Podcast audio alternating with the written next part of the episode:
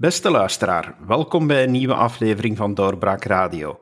Ik ben uw gastheer David Geens en ik spreek vandaag met Luc Bonneux, epidemioloog. Ik spreek uiteraard met hem over de pandemie die momenteel uh, bij ons en in heel de wereld heerst. Welkom, uh, meneer Bonneux.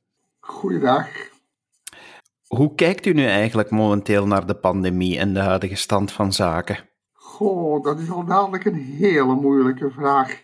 Um, kijk, in het algemeen denk ik dat we het onderschat hebben. En ik zeg wel degelijk we. Um, dat was uh, ongeveer overal ter wereld. Was toch de. Kijk, de, intensie, de, de tweede golf was voorspeld. Hè? Daar, was eigenlijk, daar twijfelden niet veel mensen over. Als het herfst wordt en dan gaan we terug binnen. Uh, en dan gaan er nieuwe besmettingen komen. Maar het merendeel dacht toch wel van, maar dat zal wel meevallen. Hè? Want we hebben toch al wel wat besmettingen gehad. We weten niet wat de natuurlijke immuniteit is tegen corona. Dus we dachten van, goh, dat, nou, nou ja, zeg nogmaals wat een tweede golf voorspelt, maar niet in deze intensiteit en deze heftigheid. Daar heeft duidelijk iedereen zich op miskeken. En vindt u dan dat het correct is dat er nu veel strengere maatregelen worden genomen omdat we er ons aan mispakt hebben? Nou ja, je hebt natuurlijk altijd het verschil tussen streng en effectief. Uh, in het uh, te laag, nog steeds te laag gewaardeerde Tropisch Instituut heb ik ooit een cursus volksgezondheid gevolgd. En een van de lessen was van kijk, dat is dan de blinde die thee schenkt. en die giet heel veel thee, maar die zit allemaal naast het kopje. Uh, en dan vervolgens wil hij aan die thee drinken en ziet hij dat er geen thee in dat kopje zit en roept hij vol verbazing uit, maar ik heb toch veel thee geschonken. Um, dit beleid voert eigenlijk vrij blind.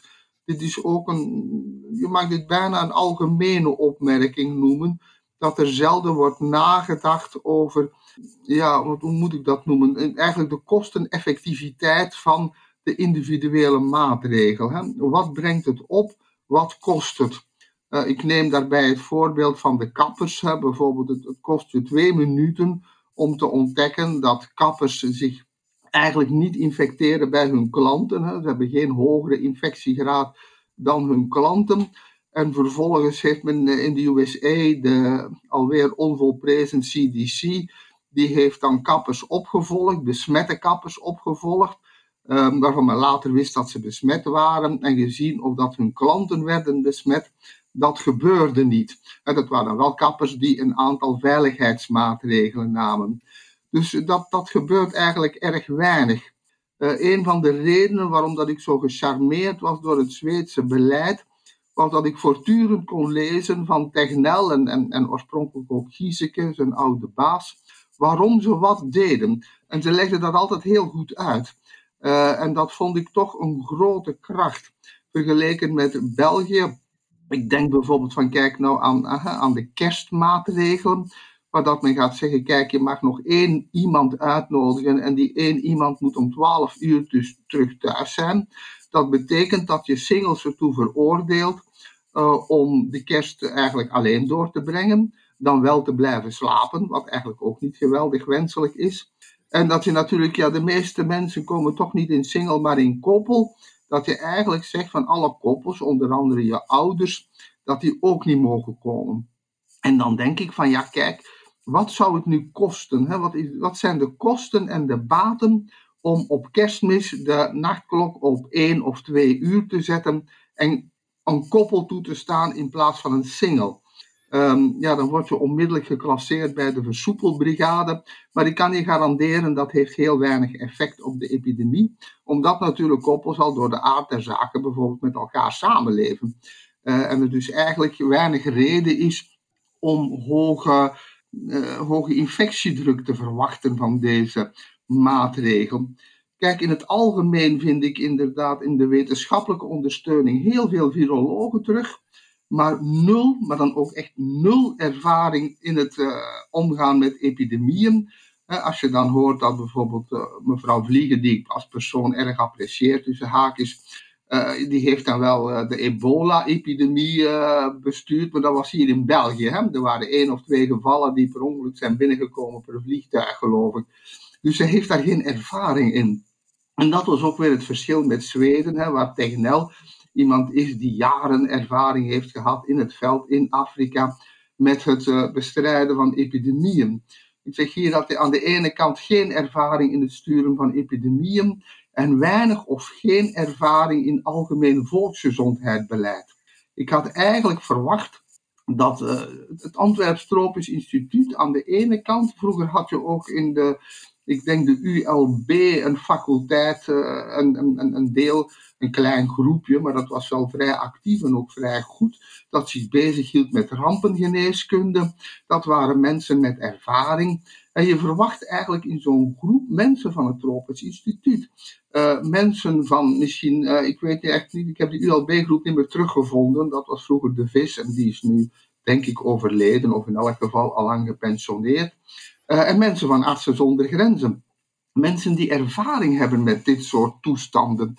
Nu zijn we echt, uh, en nogmaals, uh, ja, virologen, kijk, ze hebben ons twee keer in een fake pandemic geleid. Hè. Eerst de vogelgriep die niks was, vervolgens de Mexicaanse griep die ook niks was. Ze hebben daar toen veel herrie geschapen, de maatschappij veel geld gekost door als salesmanager van de farmaceutische industrie te dienen. En vervolgens moeten deze mensen die eigenlijk geen ervaring hebben, hè, die eigenlijk hier weinig van afweten, want dit, zijn, dit is populatiegeneeskunde. Dit is nagaan hoe dat populaties met elkaar interageren.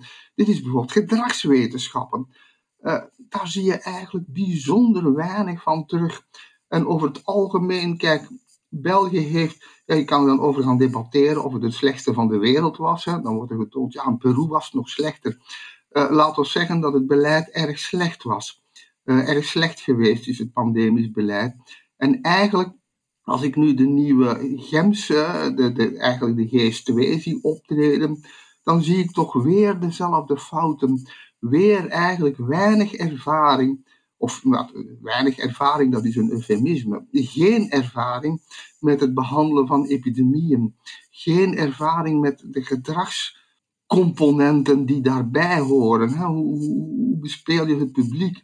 Nu, ik kan het natuurlijk niet van alle zonden van Israël beschuldigen. Veel zit ook ingepakt in deze maatschappij. Hè? Er is bijna spontaan gepolariseerd tussen aan de ene kant, uh, ik zou zeggen, covidioten die het bestaan van het virus ontkennen. En aan de andere kant covidioten die van het virus zo'n beetje de nieuwe, de nieuwe zwarte dood maken of zo. Hè? En ja, dat, dat zit een beetje in de huidige structuur, waarbij de media gemiddeld toch ook kiezen voor het spektakel in plaats van voor de informatie. En misschien dat zo langzamerhand de burger gaat geïnformeerd zijn over wat de juiste risico's zijn voor jongeren en voor ouderen. Maar in de tijd met HIV-AIDS werden de mensen gebombardeerd met hoe je het virus kon krijgen en, en, en wat gevaarlijk was en wat niet. En wat de risico's waren. Nu eigenlijk had ik toch de indruk dat de bijvoorbeeld jongeren aanvankelijk echt niet door hadden dat het virus voor hen weinig betekende. En dat is natuurlijk uiteindelijk ook het, tweede punt natuurlijk. Dat aan de ene kant heb ik niet de indruk dat er veel competentie is in deze, uh, in het beheer van de, uh, van de epidemie. Aan de andere kant heb ik ook de indruk dat, en daardoor eigenlijk men niet goed door had dat dit in de eerste instantie, nu weet men dat wel, maar toch aanvankelijk niet, dat dit een oude mensenziekte is en dat hij eigenlijk generatieconflicten of potentiële generatieconflicten op scherp stelt. aan de ene kant gaan hier oude mensen aan dood, ja, je, je, kan voortdurend lezen over het aantal doden dat veroorzaakt wordt, maar ik voorspel dat de impact op de levensverwachting daarvan gering zal zijn, omdat het typisch oude mensen zijn. Aan de andere kant vragen wij heel grote opofferingen aan de jongeren. En bijvoorbeeld ik zelf heb nauwelijks last van die tweede golf. Ten eerste werk ik in Nederland en in de zorg. Dus ik blijf lekker, over en weer tuffen, want dat moet ik ook, want ze hebben mij daar nodig. Er zijn te weinig dokters. Uh, en aan de andere kant, ja, onze kinderen zijn de deur uit. Ehm, wij moeten nu even geen hand- en spandiensten verlenen voor onze kleinkinderen, wat we eigenlijk wel betreuren, want dat doen we heel graag.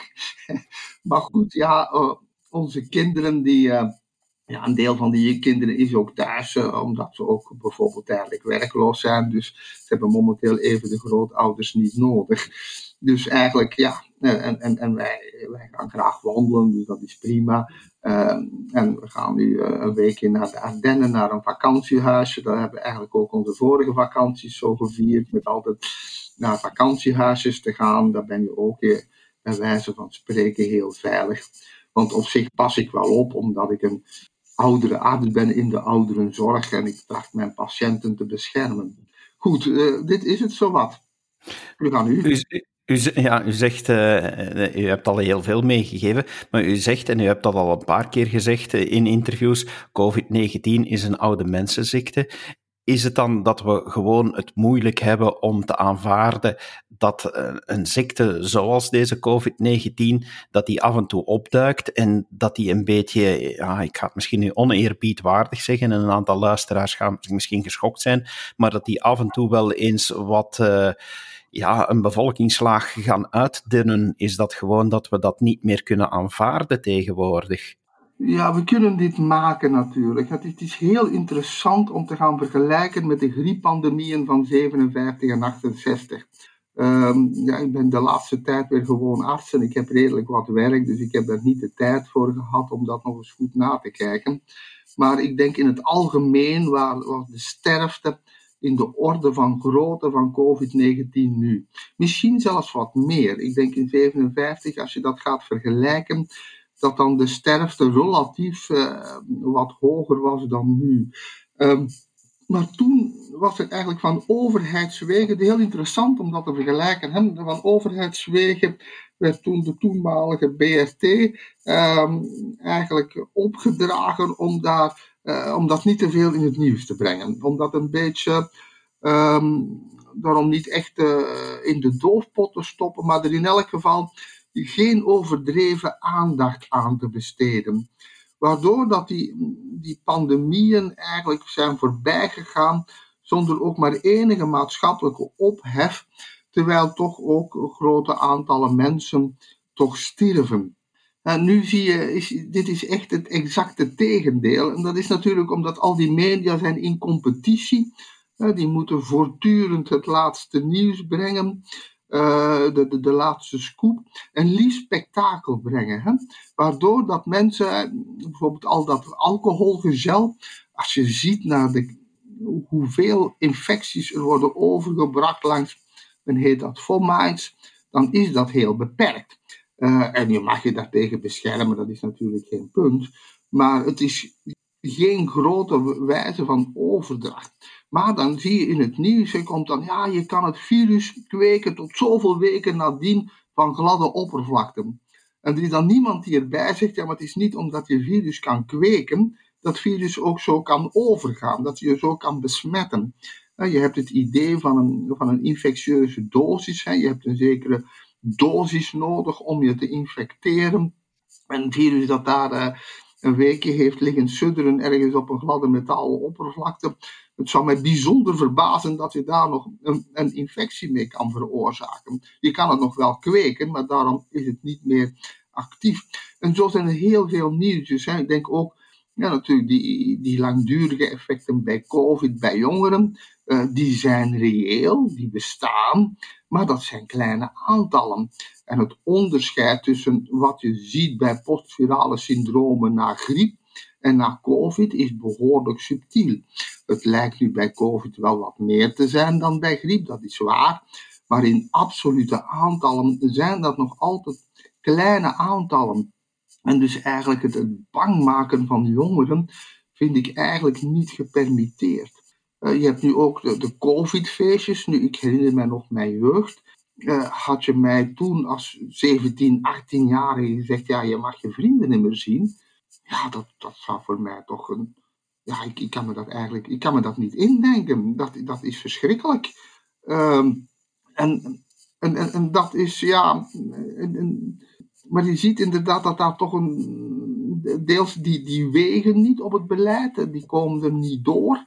Ehm, maar ik, ik vind het tussen haakjes eh, van Wijts uh, bijzonder tof dat hij op zijn stuk blijft staan en de scholen blijft openhouden. Ik hoop maar, doe zo voort. Hè, want we weten ook van Zweden en ook van China voordien dat zeker lagere scholen, eh, kinderen voor de puberteit, dat die weinig betekenen aan de epidemie. Um, maar ja, toch, uh, ze zijn toch wel toegegaan aanvankelijk. Hè, terwijl dat eigenlijk door experten die van wanten wisten, eigenlijk gezegd werd: nee, dat is niet goed. Hè? Dat is, ik weet hoe de scholen toegingen in Denemarken. De avond zelf kwam het, eigenlijk het Deense Cienzano op de televisie zeggen dat dat niet nodig en overbodig was. Trouwens, in Nederland heeft het RIVM, voor zover ik dat weet, ook officieel verklaard dat de scholen niet toe hoefden te gaan. Maar dat is dus eigenlijk, ja, je ziet dus steeds weer die, die drang van de politiek dan deels de media die, die eigenlijk spektakel zoeken en die eigenlijk zelden uh, dat dagelijks op het nieuws brengen van aantallen gevallen en zo, dan denk ik van ja, je creëert daarbij echt een tweedeling. Hè? Want als je nou ziet dat ondanks die dagelijkse, ik ga toch maar angstzaaierij noemen, hoezeer dat ik het ook begrijp hoor. Dit zit natuurlijk in de structuur van de huidige media en dit is niet beschuldigend bedoeld. Maar aan de ene kant zeggen toch maar 55% van de mensen dat ze zich gaan laten vaccineren. Dat wil eigenlijk zeggen dat 45% het eigenlijk allemaal niet meer gelooft. Hè? Of dat die toch zeggen van waar, waar zijn ze mee bezig? Wat is dat allemaal? En ik vind dat eigenlijk toch, ja, dat hangt samen met de brexit, met Trump. Dat, je ziet eigenlijk dat er toch een tweedeling bestaat tussen aan de ene kant een, ja, een wat progressieve elite waartoe ik mezelf ook eigenlijk rekende, of toch lang gerekend heb. En, en, en aan de andere kant een aantal mensen die er eigenlijk allemaal niet meer geloven, hè? Die, die, die afhaken. Ehm, dat vind ik toch een vrij kwalijke evolutie. Uh, je ziet dat ook uh, natuurlijk deels ook op, op, op Twitter, hè, waar dat je aan de ene kant, ja, ik zeg aan de ene kant heb je mensen die, die, die, die verhaaltjes rondsturen van ja, die RNA-vaccins die gaan je DNA veranderen, hoewel dat dat wetenschappelijk technisch echt ongeveer volstrekt onmogelijk is. Uh, ik heb het wel genoemd van, uh, van een omelet terug eieren maken. Het is niet omdat een mRNA gevormd wordt door DNA, dat dat mRNA dat DNA terug kan gaan beïnvloeden. Dat is uh, volstrekte nonsens. Terwijl aan de andere kant heb je dan mensen die eigenlijk uh, iedereen uh, bij wijze van spreken in een hol onder de grond gaan stoppen om te zorgen dat die virale transmissie gaat stoppen. Dus ja, en ik denk inderdaad dat dat bijvoorbeeld dat inderdaad in Azië veel minder gebeurd is. Op zich is dat overigens een heel fascinerende vraag hoor. Waarom gebeurt in, in, in Azië niet wat er in Europa gebeurt? En ik denk dan typisch niet aan China, maar ik denk aan, aan Thailand, Cambodja, Burma, al die gebieden waar mensen toch in vrij grote aantallen vrij dicht op elkaar leven met een vrij zwakke staat. Daar gebeurt niks, hè? Of toch nauwelijks iets. Zeg in Afrika oké, maar dan zeggen we ja, het is omdat daar warm is. Maar als je dan in Peru gaat kijken, dan zie je dat het virus eigenlijk uh, gewoed heeft waar het warm was. En niks deed waar het koud was, namelijk in de bergen. Daar deed het helemaal niks. Terwijl aan de kustvlakte waar het warm was, omdat er dus eigenlijk volgens de theorie van de warme tropenatmosfeer ook niks moest gebeuren, daar is al de schade gevallen. Eigenlijk begrijpen wij dat allemaal niet. En dat is misschien ook wel een les dat wij toch altijd veel minder weten dan dat we denken. En dat ik altijd goed moet lachen als ik weer modelvoorspellingen zie. Dan denk ik altijd van jeetje, uh, dit is eigenlijk een vorm van wiskundige kwakzalverij. Wij weten gewoon veel te weinig hoe dat, dat virus zich spreidt. Maar ik weet wel dat wat je nodig hebt, dat is inderdaad vertrouwen scheppen. Dat is uh, trachten inderdaad een evenwichtig beleid voeren. En nu alweer, ik, ik heb het al een paar keer ook, eh, ik denk voor zover ik weet, is de nieuwe geest, de geest 2, zit hij weer vol met mensen van middelbare leeftijd, zit hij weer vol met mensen van de elite, zit hij weer vol met academici met een vast loon, maar is eigenlijk iedere andere expertise daar afwezig. En dan denk ik, ja, en dan vervolgens verwacht je van bijvoorbeeld kappers dat die zich gaan ja, die, die moeten dat, dat allemaal maar slikken. Um, ja, ik heb het daar moeilijk mee. En ik denk ook eigenlijk dat dat niet goed is en dat we ons moeten afvragen. Kijk, pandemieën en epidemieën zijn des mensen. Hè? Wij vergeten dat, maar vroeger was dat gewoon normaal. Hè? Als je de sterftecurve van, van Vlaanderen ziet in de 19e eeuw, dan zie je daar voortdurend pieken opdagen. Dan was pokken, dan was cholera, dan was het hongersnood, dan was het alle drie tegelijkertijd. en daar zijn we eigenlijk op evolutionair voorbereid. Dat is doodnormaal. Zo hebben wij duizenden jaren geleefd. Maar nu plotseling na de Tweede Wereldoorlog is dat verdwenen. Je hebt de pandemieën gehad, die werden een beetje, maar dat was natuurlijk ook vergeleken met een echte epidemie, zoals de laatste echte epidemie was eigenlijk de Spaanse griep. En waar dat veel volwassene mensen gingen sterven. Uh, dat was, uh, de, de, de, pandemische griep was ook een oude mensenziekte. En ja, ik heb toen ook geleerd, nog in de jaren zeventig, van ja, dat is eigenlijk de goede vriend van de oude mens. Dat is een zachte dood. Mijn moeder is uiteindelijk ook overleden aan een, aan, griepje.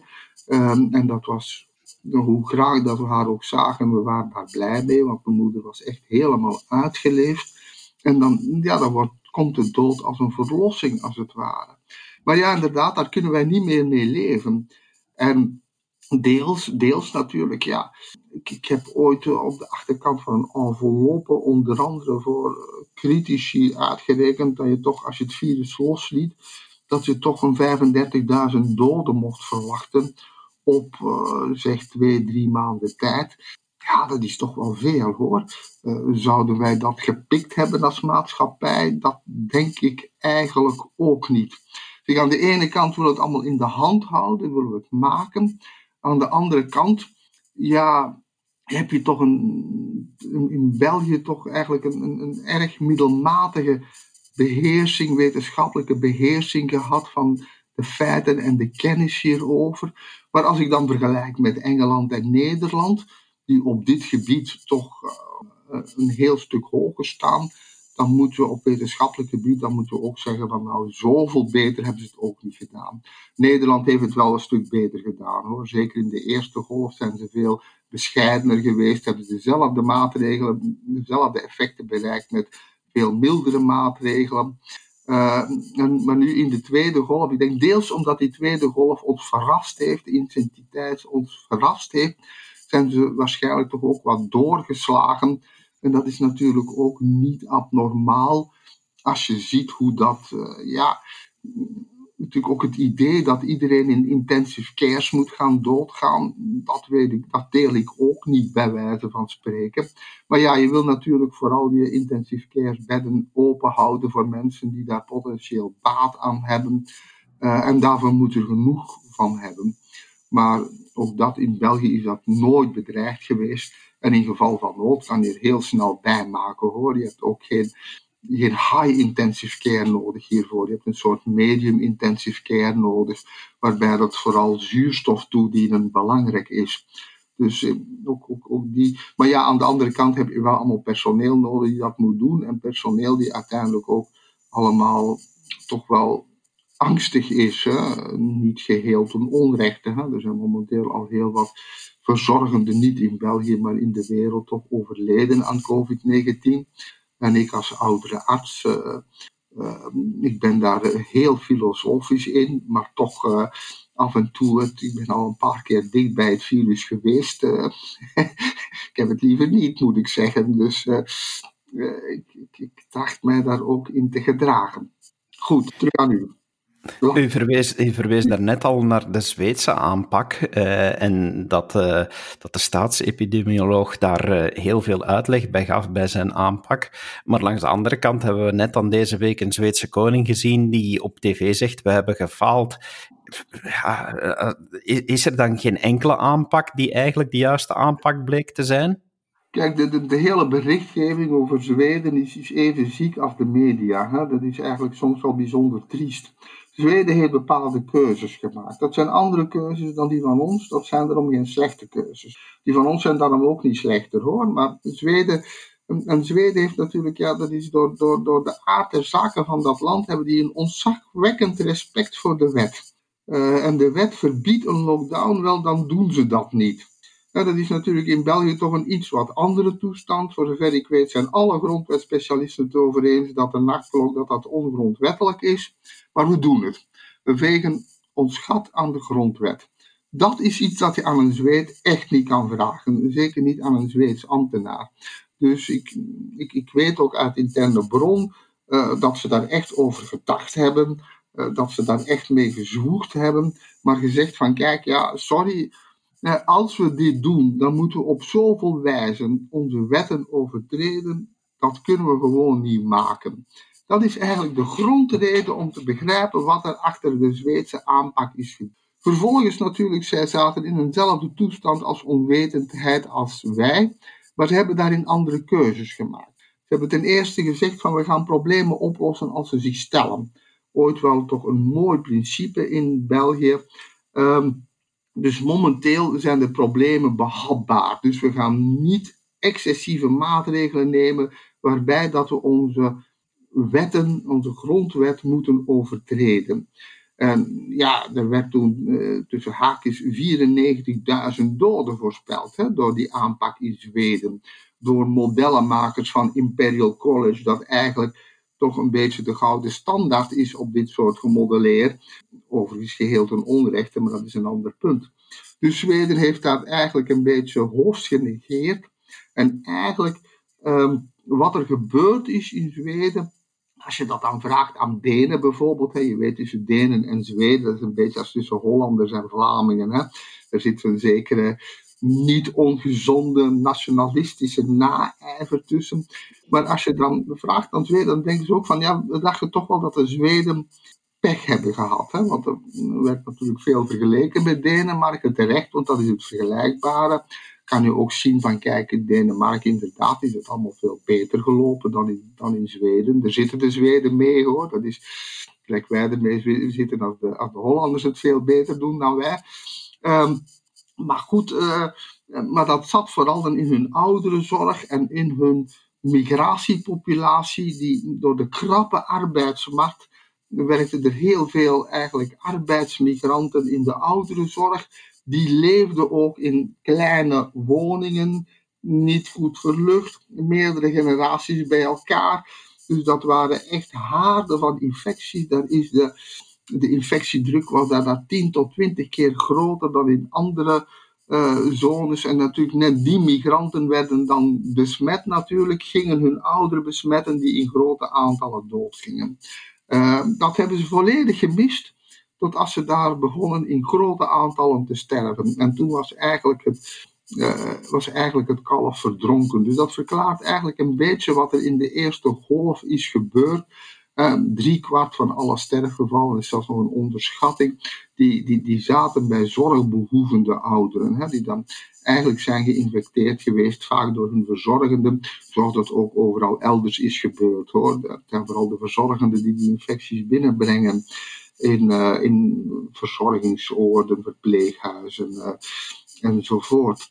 Dus maar op zich, uh, natuurlijk, ja, iedere keer als daarop geduwd werd, ja, dan kon Technel ook wel zeggen, ja, we hopen toch een beetje op herd immunity, hè, op kudde-immuniteit.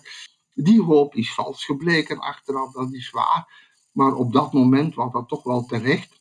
En nu nog altijd lees je ook nog altijd in toch bladen die beter zouden moeten weten dat, dat, dat Zweden streefde naar kudde-immuniteit. Dit is nooit het geval geweest. Hè. Maar je ziet eigenlijk hoe dat eigenlijk stelselmatig de informatie over Zweden wordt verdraaid, omdat Zweden het anders doet. Nu in de tweede lockdown hebben ze de tweede golf hebben ze natuurlijk exact hetzelfde probleem als in de eerste, namelijk wetten die verhinderen dat je eigenlijk dingen, dat je eigenlijk de, de vrijheid van de burger gaat inperken. Um, en die tweede golf, en dat is absoluut waar, die is onderschat.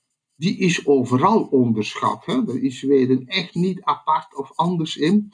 Dat, maar dat heeft natuurlijk wel een knauw gegeven aan de politiek. Hè, want ook de Zweden die modelleren, die gebruiken die modellen vrij veel. Uh, ja, in modellen ga je altijd het onbekende, dat ga, daar ga je eigenlijk met een natte vinger een parameter in stoppen. Uh, en dus ja, die modellen hebben eigenlijk het, het, het, het slechtste model heeft wat er nu gebeurt nog met een factor 2 onderschat. En als het gaat over waar dat de, eigenlijk de, de, de, Public Health Agency, de volksgezondheid, uh, gefaald heeft, dan gaat het daarover. Hè. Ze hebben het dus eigenlijk, ze hebben het misschat. Ze hebben niet verwacht, ze hebben de intensiteit van de tweede golf fors onderschat. Ik zou zeggen, zoals overal elders. Dan komt die brave koning. Je moet dus eigenlijk bedenken dat Philip dat hier zou doen. Je zou, eh, dat, het land zou te klein zijn, denk ik. Die brave koning, die denkt natuurlijk, ja, van mensen gaan dood en hoe erg is dat. Uh, en die gaat dan eigenlijk ongelukkige verklaringen afleggen, want anders kan je dat niet zeggen. Uh, die niet gedekt zijn door de regering. Waarbij dat die brave koning ook helemaal geen overzicht heeft. Die man die weet van toeten. Uh, die ziet daar, ja, oh ja, er zijn wel mensen die doodgaan. Maar het is in Zweden is de oversterfte zeker niet groter dan in de rest van West-Europa. Zeg, alleen in Scandinavië, en daar wordt dan altijd de nadruk op gelegd, misschien niet een onrechte hoor, um, maar in, in Scandinavië doet Zweden het bijvoorbeeld Finland en Noorwegen zijn echt andere type landen hoor. Dat kan je niet zomaar vergelijken. Maar Denemarken kan je wel vergelijken. En dan is de vergelijking met Denemarken en dan scoort Zweden slecht. Dat is waar. Maar ik zeg, ze hebben keuzes gemaakt. Die keuzes zijn gebaseerd geweest op, um, op de wet, op het feit dat zij de wet wilden respecteren. Ze hebben eigenlijk binnen die marges van de wet eigenlijk exact hetzelfde beleid gevoerd als overal elders. Namelijk getracht het sociaal beleid het sociaal uh, contact uh, trachten af te remmen en te verkleinen, met ook exact hetzelfde doel. Uh, maar je ziet dan eigenlijk iedere keer weer, omdat Zweden het anders deed. Ja, ik kan niet anders zeggen. Ik vond vorige week de, de, de column die daar de vrouw, de ombudsvrouw van de Standaard over schreef, overigens heel goed hoor. Die heeft het eigenlijk heel goed opgeschreven. Um, dat die, die voortdurende focus, omdat Zweden het anders deed. En dan natuurlijk in die maatschappij krijg je dan natuurlijk mensen die ook hun uh, halve minuut van fame zoeken, van roem zoeken, die dan beginnen te roepen van hoe erg dat dat allemaal is. Die zijn interessant voor de media, die worden naar voren gehaald. En dan wordt eventjes het feit genegeerd dat eigenlijk dit beleid ondersteund werd door zeer breed de Zweedse bevolking, heel lang. Nu is er een knak gekomen in dat vertrouwen, maar het is nog altijd een ruime meerderheid die het beleid steunt.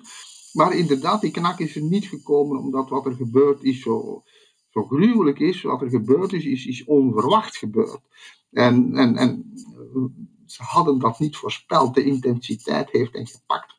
Maar om bijvoorbeeld een feitje te noemen dat u niet leest in de Belgische kranten of dat u niet hoort op de Belgische media de intensive care bedden zijn momenteel op de helft van de eerste golf. Dus het is niet zo, je, je hoort van ja, de, de ziekenhuizen liggen vol in Stockholm. Nou, op een gegeven moment lagen die ook vol in Brussel, maar buiten Brussel ligt er ook nog wel een beetje België.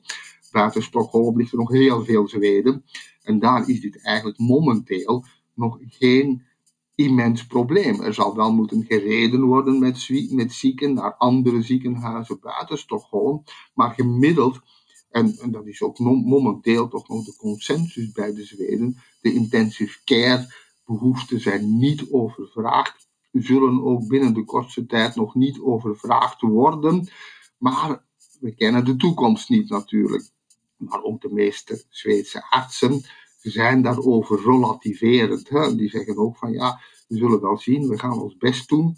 Uh, maar ik zeg in het, het, algemeen, je kan eigenlijk, het enige dat je de Zweedse Public Health Agency kan verwijten, is dat ze de intensiteit van de tweede golf fors onderschat hebben.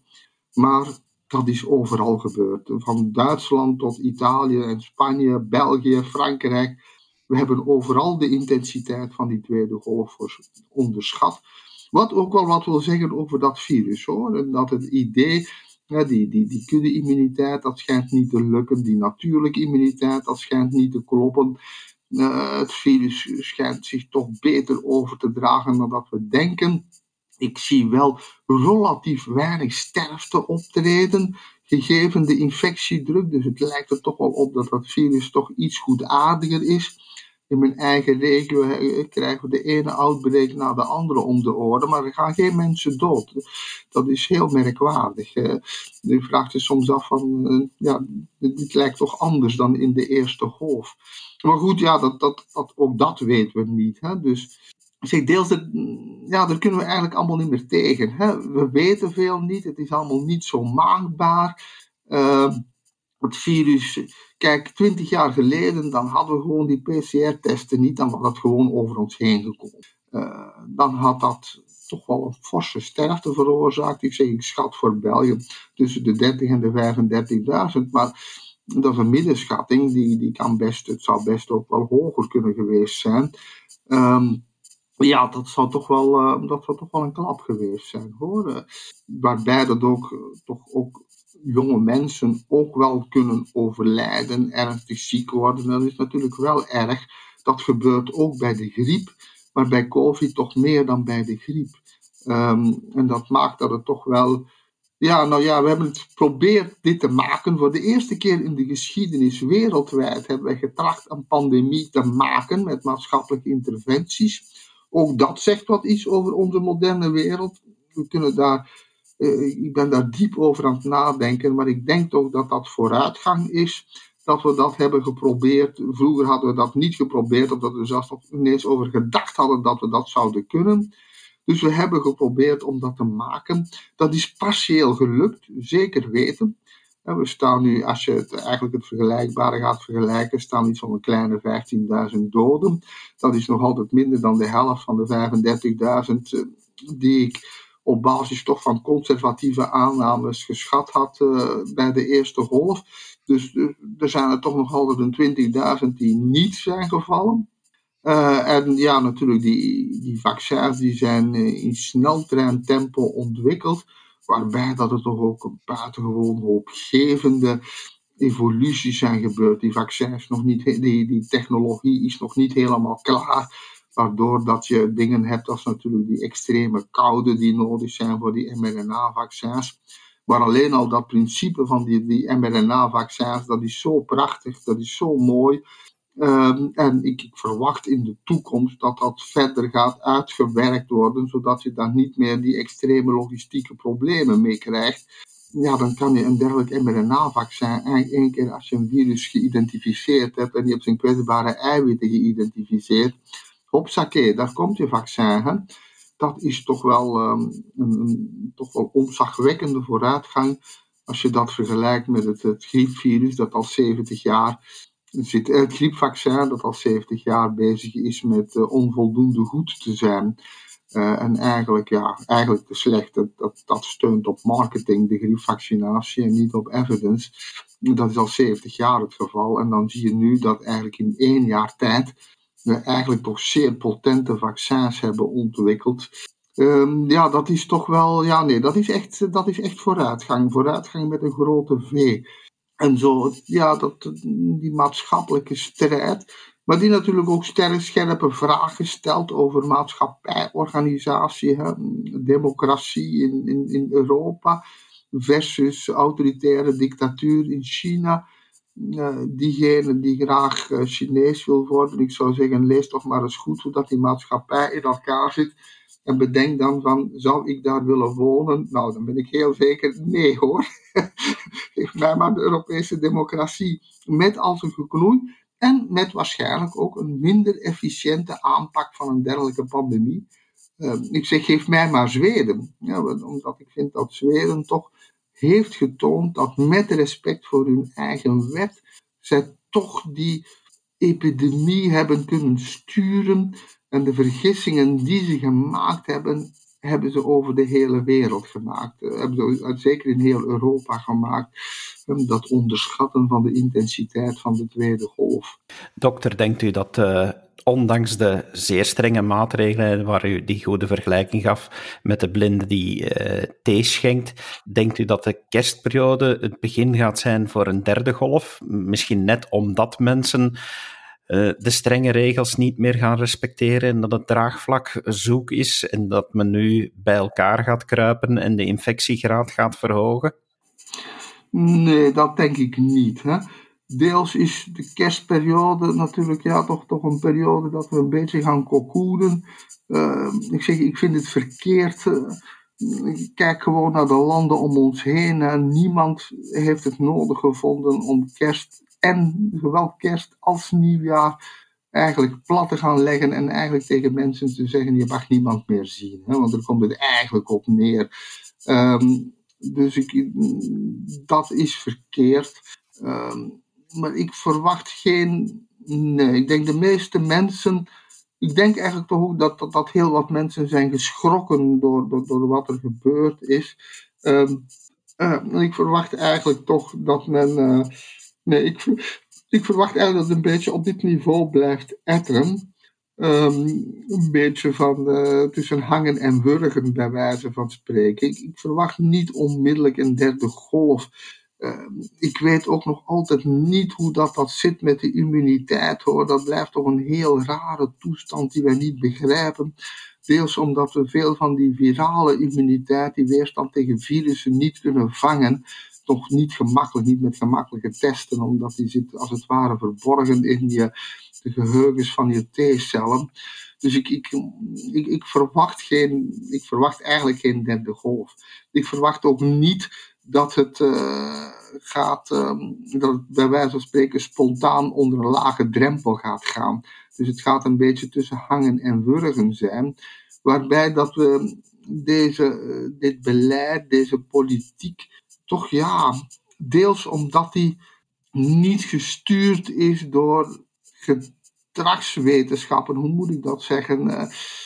Deels omdat hij met een, toch een, enorme overmaat aan virologen die hier ook niks van afweten. Hè. Nogmaals, het is niet omdat je in een labo met virussen werkt dat je goed weet hoe dat virussen interageren met maatschappijen.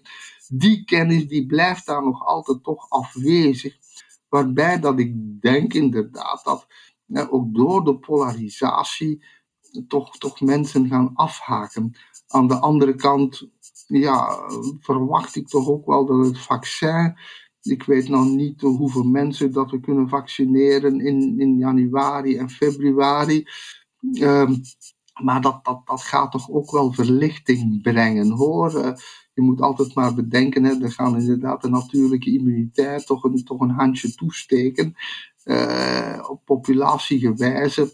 Dus ik, ik verwacht geen, um, ik verwacht een beetje business as usual. Maar nogmaals, hè, ik, ik bedoel, ik, ik had zeker, hoor zeker bij diegenen die uh, verwacht hadden dat er toch meer natuurlijke immuniteit in de bevolking was. En ik hoor zeker bij diegenen die de tweede golf uh, fors onderschat heeft. Dus ik, ik, ik ga nog niet uh, grote uitspraken doen. dit virus is tot nog toe heeft ons dat een lange neus gezet, bij wijze van spreken. Dat heeft alles wat wij dachten, natuurlijk veel van wat wij denken, komt uiteindelijk van griepachtige virussen. En het is duidelijk dat het, het, coronavirus zich toch echt anders gedraagt. En wij dat steeds weer met onze verwachtingen van griepachtige virussen daar naartoe gaan. En dus steeds weer eigenlijk worden uh, op het verkeerde been gezet. Um, dus ik, ik, ik, ga er geen sterke uitspraken over doen. Um, maar ik denk inderdaad dat we nog eh, stilletjes gaan moeten voorthobbelen. Maar inderdaad dat het draagvlak bij de bevolking. Uh, ik denk natuurlijk toch, uh, dat is gelijk die, die winkels. Hè. Als we nu spreken over het scholen sluiten, dan doet men dat niet voor de kinderen, maar voor het sociaal verkeer verder te ontmoedigen, dan, zeg ik, dan ga je eigenlijk ouders gijzelen door middel van hun kinderen. Hè. Daarvoor sluit je scholen, hè, is om de ouders te gijzelen. Dus denk ik van ja, um, dat mensen daar uiteindelijk niet blij van gaan worden en dan gaan zeggen van fuck you. dat verwacht ik ook wel. Ik vind eigenlijk dat we ontzaglijk braaf zijn hoor. Af en toe dacht ik van uh, diegene die een uh, manifestatie wil organiseren, ik wil me er wel bij aansluiten en hen bij wijze van spreken de evidence base aanreiken om te zeggen van kijk, dit en dat gebeurt er allemaal verkeerd.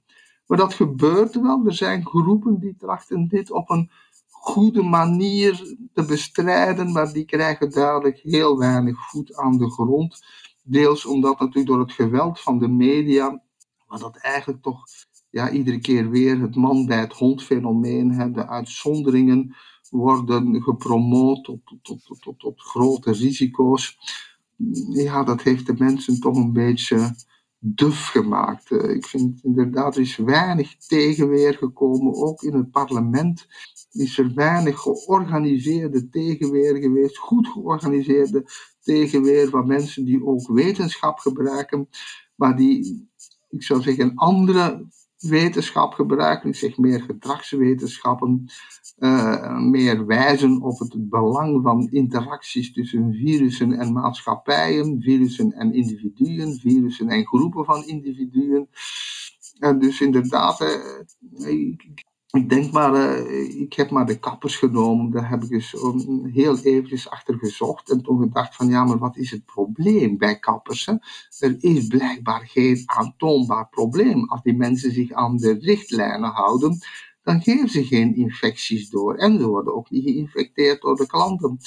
Dus ja, eigenlijk verwacht je van politiek dat ze dit soort kennis dan toch vooral de oppositie meer naar de voorgrond zou brengen om inderdaad te gaan duwen waar het pijn doet bij de meerderheid. Want it is the duty of the opposition to oppose. Daar is niks mis mee. Uh, om te gaan zeggen van kijk, ja, maar je neemt die maatregel, maar in de wetenschappelijke literatuur daarover lezen we dat. Waarom neem je die maatregel? En als je zo één per één gaat uitnemen, dan ga je ontdekken dat toch veel maatregelen eigenlijk een vorm van imponeergedrag zijn. Hè? Van je op de borst kloppen en te roepen van kijk eens naar mij hoe streng ik ben. Maar dat er eigenlijk weinig inhoud, geen wetenschappelijke inhoud in zit. De, de, wetenschappelijke inhoud is toch nog altijd hou anderhalve meter afstand. En met zoveel mogelijk mensen uh, waar dat niet kan, draag je een mondmasker zonder daar al te veel geloof aan te hechten. Dus tracht dat ook maar te vermijden. Um, en inderdaad, dingen als telewerken en zo, dat zijn, dat zijn dan weer wel hele goede dingen. Maar ik moet eerlijk bekennen, uh, ik reis morgens naar mijn werk in Terneuzen over de ring van Antwerpen. Ik moet eerlijk bekennen, het zou waarschijnlijk nog heel veel erger zijn zonder COVID. Maar er wordt toch, toch flink aangeschoven s ochtends hoor. Dat ik denk van, waar moeten al die mensen allemaal naartoe? Um, dus dat, ja, ik kan me indenken dat we daar inderdaad nog, nog, nog wat meer op kunnen inzetten. En ik kan me ook indenken dat heel veel bedrijven uh, daar ook wat schrik van hebben hoor, van telewerken. Want dat klinkt allemaal wel goed. Maar je hebt toch eigenlijk ook wel infrastructuur nodig. Um, plus met alle nadelen van dien. Ik heb een dochter die voor Johnson Johnson werkt, onder andere aan die vaccins. Ja, die is al sinds maart is die niet meer in Beersen geweest. Hè. Dat is, dat is daar, uh, dat, dat, komt niemand meer, tenzij je daar echt nodig bent. Nou ja, dat is toch wel zwaar hoor. Dat je, je eigenlijk je werkkring, de mensen op je werk, dat zijn toch ook deels een beetje de groep waarmee dat je optrekt dat je die helemaal niet meer ziet. Hè? Dat je, eigenlijk, wordt eigenlijk verbannen uit de klan. Uh, ja, dat was vroeger de zwaarste straf die er denkbaar was. Hè? Verbannen te worden uit de klan. Uh, en al die clans, ja, die, die worden nu een beetje afgebroken. Ik denk dat we daar soms ook een beter evenwicht in moeten zoeken. Dat is het algemene geheel, denk ik, als ik mijn kritiek is, dat er eigenlijk weinig gezocht wordt naar evenwicht, gebaseerd op wetenschap Waarbij dat je ook af en toe mag vergissen. Hè? Zweden heeft zich dadelijk ook af en toe vergist. Maar tot nog toe is het traject van Zweden niet uitzonderlijk. En zal het Zweden niet afsteken tegen de rest van Europa. Ik zou bijna zeggen, in tegendeel. Het land dat wel afsteekt is toch België. Hè? We hebben het echt wel heel erg slecht gedaan. En dan kan je gaan debatteren of dat nou echt het slechtste van Europa was. Maar we hebben het heel erg slecht gedaan. Er zijn heel veel aantoonbare redenen waarom dat we dat slecht hebben gedaan. En ik zie eigenlijk ook weinig weinig gebeuren, maar ik, ik, zit natuurlijk niet in de politiek. Ik, ik weet niet wat er allemaal gebeurt. Uh, en ik, ik, ik heb echt wel vertrouwen hoor in, in, in het algemeen, in, in, in de algemene politiek. Ik denk wel dat men toch bepaalde dingen gaat oppakken. Zowel in de ouderenzorg, verhouding tussen eerste lijnzorg en intensieve zorg. De eerste lijnzorg is ook toch geweldig ondergesneeuwd geraakt door het geweld van de intensive care. Uh, ik denk dat we daar inderdaad, ik, ik, ik, ik, verneem wel signalen dat men daar toch mee bezig is. Maar we kunnen niet anders zeggen in, dat in de eerste golf wij op een afschuwelijke wijze hebben gefaald. Ehm, en dat we het in de tweede golf inderdaad daar toch wel wat beter doen. Um, maar toch inderdaad ook ja, het, het evenwicht is toch zoek. Uh, we kunnen enkel maar naar de strengste maatregelen grijpen, omdat wij geen wetenschappelijke, voldoende wetenschappelijke ondergrond hebben om naar dat evenwicht te zoeken. Om naar dat evenwicht te zoeken naar wat is effectief en efficiënt en wat is eigenlijk imponeergebracht. Wat is overbodige strengheid. Waar richten we eigenlijk vooral schade mee aan. Dat evenwicht, dat vind ik toch, is in België, is eigenlijk de hele aanpak van de pandemie, is, heeft dat gefaald eigenlijk. En, en hebben wij eigenlijk, ja, zeg nogmaals, uh, ik heb ooit wel eens heel brutaal gezegd van we zouden sneller virologen in lockdown moeten plaatsen, dan zou het allemaal beter gaan. Dat is natuurlijk ook niet waar, dat is een beetje een boetade. Maar we hebben weinig ervaring. Dat is in het algemeen, hè. al wat populatiegeneeskunde is, daar scoren wij erg slecht in. België is heel sterk in klinische geneeskunde, maar heel zwak in populatiegeneeskunde. En dat hebben we toch cash betaald hoor, tijdens deze pandemie. Wat verwacht u van de vaccins? Denkt u dat die doeltreffend gaan zijn? Want u noemde het al uh, vooruitgang met een grote V, maar ze zijn ook wel enorm snel ontwikkeld, terwijl uh, anders vaccins jaren op zich laten wachten. Uh, is wat er nu op ons afkomt voldoende te vertrouwen volgens u? Ja, het is splinternieuwe technologie. Hè? Um, zoals alle splinternieuwe technologie eh, zullen wij de lange termijnseffecten, als we ze ooit zien, dan gaan we die binnen vijf jaar zien. Uh, we kunnen enkel maar op theoretische basis oordelen. Je kan natuurlijk ook oordelen van, kijk, je moet natuurlijk zien van wat voorkom je en welk risico neem je. Ehm, als ik die mRNA-vaccins bekijk, dan heb ik in dat mRNA uh, dus messenger RNA, ik zie echt niet in wat je daar verkeerd mee kan doen. Het is natuurlijk om dat mRNA tot bij de cel te krijgen, omdat dat een fragiele molecule is, heb je een aantal dingen nodig waarvan dat wij het effect op langere termijn niet kennen. Maar dat geldt voor alles hoor, en dat geldt eigenlijk voor ieder nieuw vaccin. Je moet altijd Ehm, je moet dat afwegen. En dan denk ik van, kijk, je hebt aan de ene kant de FDA. De EMA, de Europese Medicine Agency, heeft uh, toch uh, geflaterd eh, bij de Mexicaanse griep. Door een experimenteel vaccin goed te keuren voor iets dat, ja, ik geef het altijd een pandemie van snot en spierpijn. Daarvoor zijn grote aantallen mensen gevaccineerd. De, de sales managers van die vaccinatie, dat waren onze academische virologen die nu weer een grote mond opzetten. Ik kan me daar wel een beetje in ergeren dat ik denk van kijk, dit zijn dezelfde mensen die de maatschappij fortuinen hebben gekost tijdens de vogelgriep en tijdens de Mexicaanse griep. Misschien was het onbe onbekwaamheid, maar deels was het toch ook collusie door de, met de industrie. Dat is natuurlijk niet goed voor het vertrouwen. Maar, ik, maar de, dat pandemische griepvaccin is bijvoorbeeld nooit goedgekeurd geweest door de FDA, die ter zake strenger was. En dan heb ik eigenlijk toch wel, ja, dan denk ik, het is goedgekeurd door de FDA. Je hebt daar de MHRA van de Engelsen, ik weet ook niet meer heel goed waarvoor dat de afkorting staat, maar Engeland die daar ook uh, de Anglo-Saxische geneeskunde, de Anglo-Saxische medische wetenschap staat nog altijd op een onwijs hoog niveau vergeleken met de rest van Europa. Dat zijn toch ook mensen die geen domme dingen gaan doen. En dan heb je uiteindelijk ook de, de EME. En, en je moet natuurlijk het, het, ja, je moet altijd het ene met het andere afwegen. Hè? Kijk, van dit eh, virus kan je momenteel zeggen, behoudens uitzonderingen ga je of COVID-19 krijgen of een vaccin. Zo simpel is het. Uh, er zijn natuurlijk uh, altijd uitzonderingen zijn door groepsimmuniteit, maar dat is gelijk in de tijd met de pokken. Uh, ofwel kreeg je pokken en ging je van dood, ofwel kreeg je de pokken en bleef je van leven. Wat er ook heeft aanleiding gegeven tot allerhande noodgrepen voor de vaccinatie die begonnen is met de pokken. Waren er andere methoden, variolatie, hè, waarbij dat men ehm, virus ging nemen van minder zieke mensen, om daarmee kinderen te gaan infecteren op het moment dat ze goed gezond waren.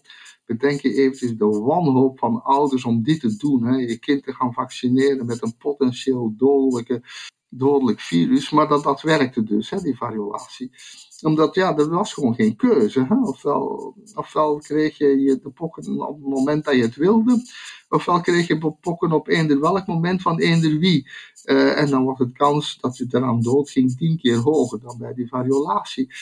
Dus mensen deden dat toen, uh, mensen varioleerden, technologie van bij de Turken. Uh, en dat werkte en dat werd ook goed breed verspreid. En dus ook de ondergrond geweest van het idee van vaccinatie tussen haakjes. Dat is ook niet uit de lucht komen vallen hoor, dat is ook een mythologie. Maar ik zeg van COVID-19 is simpel, hè? ofwel krijg je de ziekte ofwel krijg je het vaccin. Uh, voor jonge mensen is dat minder een punt, hè, omdat die uiteindelijk toch weinig ziek worden. Uh, en inderdaad, er zijn wel uh, een potentiële kans op sequellen, op gevolgen van COVID-19, die een pak hoger is dan bij griep, maar die is ook in absolute risico's nog altijd behoorlijk klein. Dus je kan dat risico wel nemen.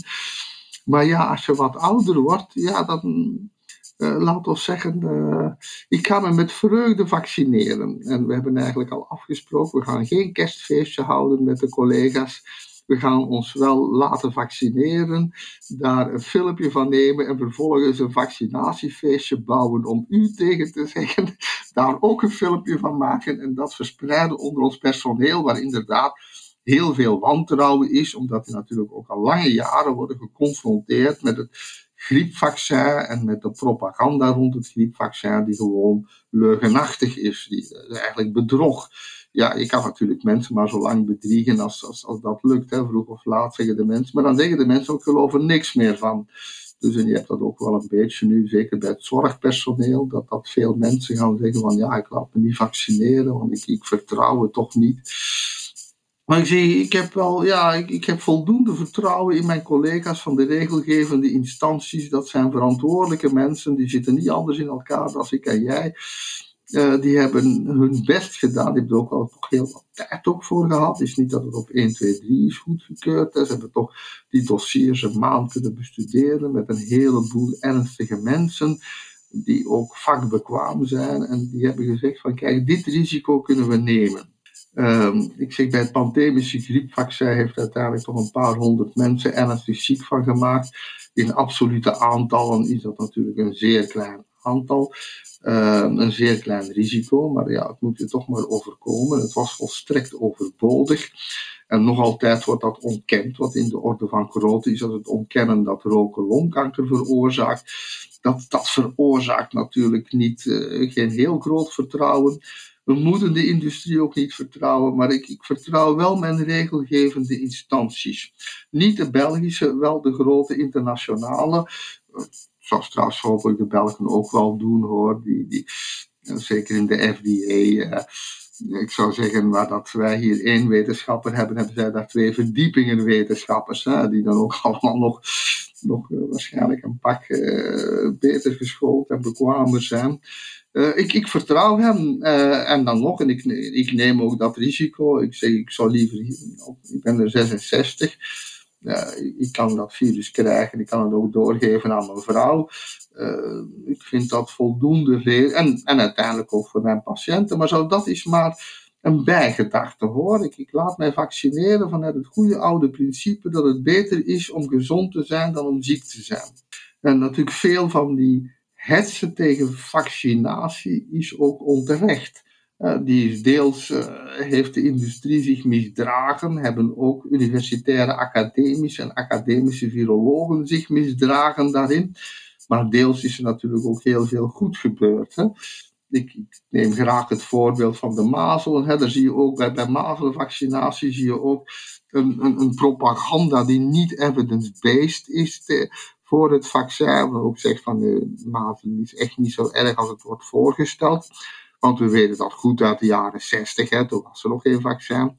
Uh, maar ik heb bijvoorbeeld de mazelen gehad. Ik, ben daar, ik geloof niet dat ik in mijn hele leven ooit zo ziek ben geweest. Uh, en had men toen gezegd, ja, je ouders hebben je toch maar niet gevaccineerd omdat ze eigenlijk hun oren niet hebben laten hangen naar een of andere alterneut, dan zou ik daar toch niet blij mee geweest zijn hoor.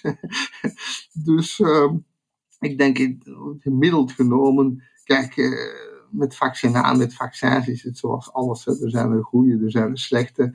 Uh, er zijn bij de vaccins echt schitterende vaccins. En ik zie eigenlijk ook geen reden waarom dat dit vaccin Kijk, die, die, die coronabacteriën zijn bijvoorbeeld een stuk stabieler dan, uh, dan de influenza-bacteriën, dan de griep. Uh, dan coronavirussen zijn een stuk stabieler dan de, dan de griepvirussen.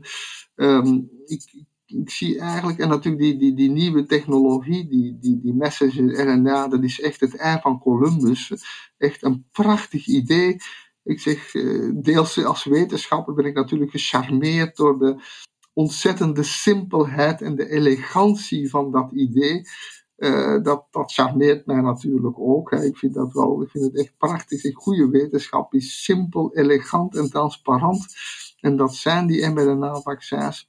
Het is nieuwe technologie. Het is sowieso een immense sprong voorwaarts. Maar van nieuwe technologie moeten we nog een beetje afwachten wat die op langere termijn gaat brengen. Ik kan me indenken die, die gaat verfijnd worden. Ik verwacht binnen 10 jaar, uh, hooguit 20 jaar, mRNA-vaccins die eigenlijk veel eenvoudiger zijn toe te dienen dan het huidige Pfizer-vaccin. Dat is echt het allereerste in zijn soort. En ja, hoe dat wij omgaan gaan met die, uh, die mantel die rond dat mRNA ligt, om te zorgen dat dat niet onmiddellijk wordt afgebroken. Uh, als er reacties zijn, dan verwachten wij dat tegen die mantel. Um, ik denk korte termijnsreactie. Kijk, we hebben toch al grote aantallen mensen gevaccineerd. Hè. De eerste trial van, van Pfizer, enkel de fase 3 trial, waren toch al 23.000 vaccins. Uh, telt er nog alle andere onderzoek bij. Ik denk toch dat je in de buurt van 30.000 gevaccineerde mensen komt. Dat is toch wel een flink aantal. Dus korte termijnseffecten, die, die kennen we. Dat zijn inderdaad dus allergieën lange termijnseffecten, daar wordt het wachten op. Maar ik verwacht die eigenlijk veel minder op RNA-vaccins dan op klassieke vaccins. Zoals bijvoorbeeld het, het pandemische griepvaccin. Um, ik, ik, verwacht eigenlijk dat dat uh, goed gaat meevallen. Maar ja, zoals met alles. Maar ik zeg, ja, moet je een vaccin dan niet gaan geven omdat je die lange termijnseffecten niet kent. Bijvoorbeeld, ik denk aan het mazelenvaccin. Eh, ik heb dat nog weten introduceren, plus de discussies daar rond. Uh, hadden dan moeten wachten, hoe lang dan? Vijf jaar, tien jaar, twintig jaar? En ondertussen toch maar kinderen verliezen aan mazelen. Uh, want van mazelen is het ook zoals kind, ofwel krijg je de mazelen, ofwel krijg je het vaccin. Je mag kiezen. En ik zeg, ik heb de mazelen gehad, geef mij het vaccin maar hoor. Um, en ik denk ook met COVID-19, uh, er zijn natuurlijk toch genoeg mensen in mijn omgeving, in de zorgsector, die COVID-19 hebben gehad, die daar toch in wisselt. Het is toch wel, het is, het is, een stevige griep hoor. Eh, het is zelfs meer dan een stevige griep. Eh. En de gemiddelde mens was daar toch drie tot vier weken van uh, onder de voet, bij wijze van spreken. Dan denk ik van, nou ja, geef mij maar dat vaccin. Getest op 30.000 man, dat is toch al niet niks die een actief vaccin hebben gekregen. Um, ik reken wel dat ik bij die 29.995 mensen zijn die geen ernstige bijwerkingen hebben meegemaakt. In welke volgorde moet er volgens u gevaccineerd worden? Eerst jongeren, dan ouderen of uh, omgekeerd? Wat, uh, wat is daar de beste aanpak volgens, uh, volgens u? Ja, god, ja, ik vind deels mag je het ook wel eens zelf gaan vragen aan de mensen. Hè? Dat is natuurlijk het algemeen probleem in België. dit wordt allemaal zeer strak top-down gestuurd, zonder ook maar iets te gaan vragen aan de mensen zelf. Uh, persoonlijk, maar ja, ik ben natuurlijk ook belanghebbende partij. I have interests. Zou ik toch om te beginnen het zorgpersoneel vaccineren. Die mensen lopen toch een hoog risico, dat moet je niet ontkennen. Uh, voorlopig valt er eigenlijk, als we alle veiligheidsmaatregelen goed opvolgen, valt dat goed mee. En er zijn niet meer infecties, maar het is toch, god ja, het is toch vrij akelig hoor. Uh, om mensen te gaan verzorgen met een virus dat behoorlijk goed overgaat. en dat je erg ziek kan maken. Dus ik, ik zou eigenlijk altijd beginnen met het zorgpersoneel, alweer de willing first hoor. Mensen die het niet willen, moeten het vooral voor mij niet doen. Ik, ben, ik, ik wil hen wel trachten overtuigen. Ik zeg, ik wil hen wel uh, ons vaccinatiefeestje laten zien. Van, uh, wij kunnen weer feesten, want wij zijn gevaccineerd. Um, maar uh, dat, ze moeten dat zelf willen. Maar ik zou toch met het zorgpersoneel beginnen. Uh, dan weet ik het ook niet. Uh, natuurlijk, deels oudere mensen gaan daarvan dood. Maar hun levensverwachting is natuurlijk ook beperkt. Hè? Als je bij mij terechtkomt, dan is jouw levensverwachting nog ongeveer 16 maanden na opname. Dat wil zeggen, als je gemiddeld zit, dan is die levensverwachting nog 8 maanden. Ehm, ik heb dan toch de indruk, en bovendien, ja, je bent dan toch in je laatste levensfase. Uh, ik kan me indenken dat je gezonde ouderen gaat vaccineren. Maar dan denk je vooral aan ouderen in de thuissituatie die het nog goed trekken.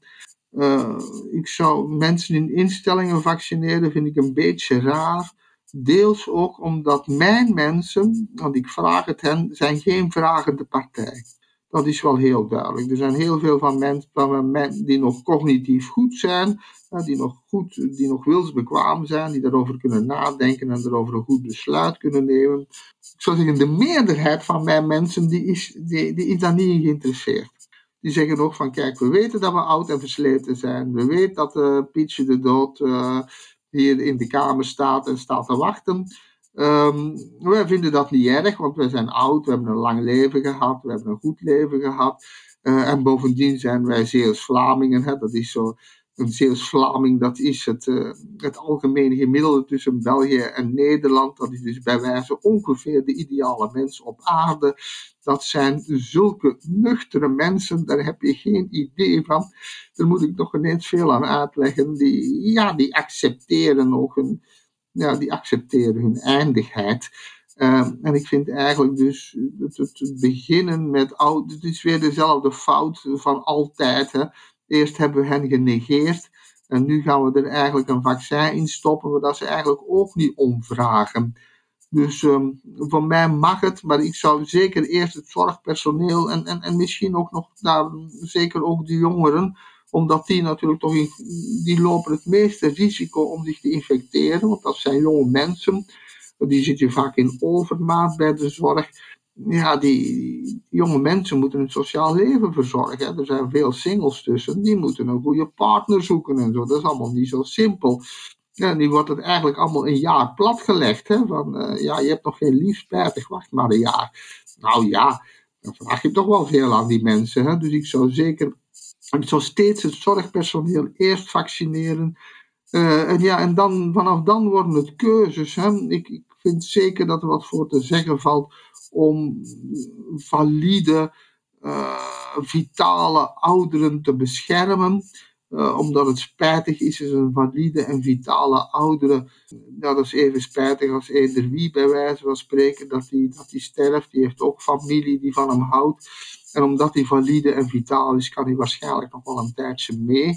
Um, ik vind personeel dat in zorginstellingen verblijft, dat zou voor mij geen prioriteit zijn. Maar deels ook, en dat is dan natuurlijk typisch, omdat ik deze mensen ken, omdat ik hen verzorg, omdat ik hen prioriteiten ken, omdat ik met hen daarover praat uh, en omdat mensen mij daarover informatie geven. Die informatie lijkt mij geheel afwezig te zijn in de GEMS en de GES. Ik zou zeggen, hoeveel oudere artsen zitten daarin? Mensen die nog actief ouderen verzorgen. En dan kan het wel zijn natuurlijk ook dat België wat anders in elkaar zit dan Nederland. Voor zeker de andere sector, zeker de oudere sector. Maar in mijn, zeg bij mijn patiënten, in tegendeel, er zijn heel wat van mijn mensen die zeggen, ik moet dat vaccin niet hebben. Uh, als het virus komt, doe mij in slaap. Het is goed geweest. Dat is eigenlijk de algemene houding die prevaleert in, in, in, in mijn sector. Natuurlijk in België, dat zit wat anders in elkaar. Ook in woonzorgcentra zijn er nog veel vitale ouderen. Um, dus ik, ik vind voor vitale ouderen, ik zeg eerst het zorgpersoneel. Deels ook omdat die door hun functie um, zichzelf, als ze geïnfecteerd worden, ook veel ouderen kunnen infecteren. Je beschermt de ouderen het beste door het zorgpersoneel te, te vaccineren. Want dat zijn de mensen die het virus hebben binnengebracht.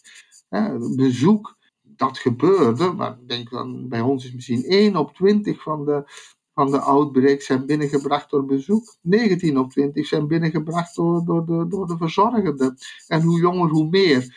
Dus ik zou eigenlijk inderdaad eerst de verzorgende, eerst de jongere verzorgende zelfs, want die lopen het grootste risico om het virus ongeweten eh, binnen te brengen. Ook weer een outbreak, leerling, positief, die, dat hebben we ook pas na datum ontdekt, want die heeft zelf geen, ja, die had een, een hoestje, een licht hoestje. Nou ja, dat gebeurt dan wel eens in dit seizoen, hè, dat je een hoestje hebt. Verder heeft hij niks. Geen koorts, niks. Uh, heeft wel een halve afdeling besmet. Uh, ja, en, en, met, als je met dit soort lichte hoestjes iedereen moet gaan testen, dan ben je ook ver van huis. Dus, dat, uh, dus ik zou inderdaad eerst het zorgpersoneel, eerst het jongere zorgpersoneel zelfs, uh, dan liefst ook, en, en mij ook natuurlijk, want ik, ik ben graag gevaccineerd. Ik zeg, ik heb liever het vaccin dan het virus. Um, maar goed, en, en, en ja, dan, dan moet u gaan nadenken wat het beste is. Ik vind zelf jongeren, ik vind er zelfs veel te veel nadruk gelegd op die jongeren, op uh, hen veel te veel schuldgevoelens in de schoenen geschoven voor iets waar ze niet aan konden doen, voor iets wat ook geheel natuurlijk is. Uh, heel die toestand van die lockdown-feestjes vind je ook een beetje ziek hoor. Dat is echt alweer beslist door mensen tussen de 45 en de 65, die bij een sociale elite behoren. En die eigenlijk zelf een beetje vergeten lijken te zijn hoe dat het is om jong te zijn, heb ik de indruk. Uh, en wat dat betekent voor jongeren. Dus ik, ik, ik zou daar niet te veel nadruk op leggen. Uh, um, en, en, en en, en wie weet, ja, hoe, georganiseerd moet je dat ook allemaal doen. Maar ik zeg ja, na, na, na het zorgpersoneel, dat vind ik echt prioritair. Dan kan je aan nummertje 2 misschien vitale ouderen beginnen denken. Um, en dan nummertje 3 al de rest. Um, maar ook op, op basis van, uh, ik zou zeggen, uh, die eerst is, in die eerst is eerst maal bij wijze van spreken. Dat zou ik gewoon uh, tenzij dat ik, ik ben er ook geen expert in hoor, hoe goed dat je dat allemaal moet organiseren. Ik heb er een beetje mijn twijfels over hoor, eh, dat je dat allemaal zo ontzettend strak moet organiseren. Buiten die twee prioriteiten, uh, zorgpersoneel en vitale ouderen, zie ik niet onmiddellijk dingen die mij in het oog springen als allernoodzakelijkst. Zeg vitale ouderen, omdat je daar vitaliteit mee verliest, goede levensjaren mee verliest, goede opa en oma jaren mee verliest. Aan de andere kant zorgpersoneel, omdat zij toch in de storm staan en bovendien uh, riskeren om uh, anderen te infecteren, vaak ongewild, omdat jongere mensen toch vaak heel weinig klachten hebben.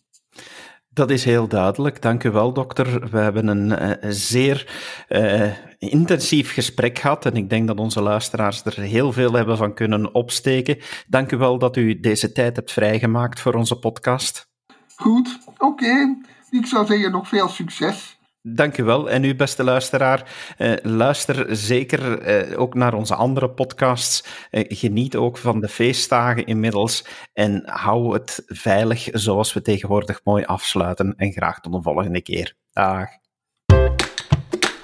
Dit was een episode van Doorbraak Radio, de podcast van doorbraak.be. Volg onze podcast op doorbraak.be/slash radio of via Apple Podcasts, Overcast of Spotify. Bezoek ook onze website op doorbraak.be en steun ons door een vriend te worden van Doorbraak.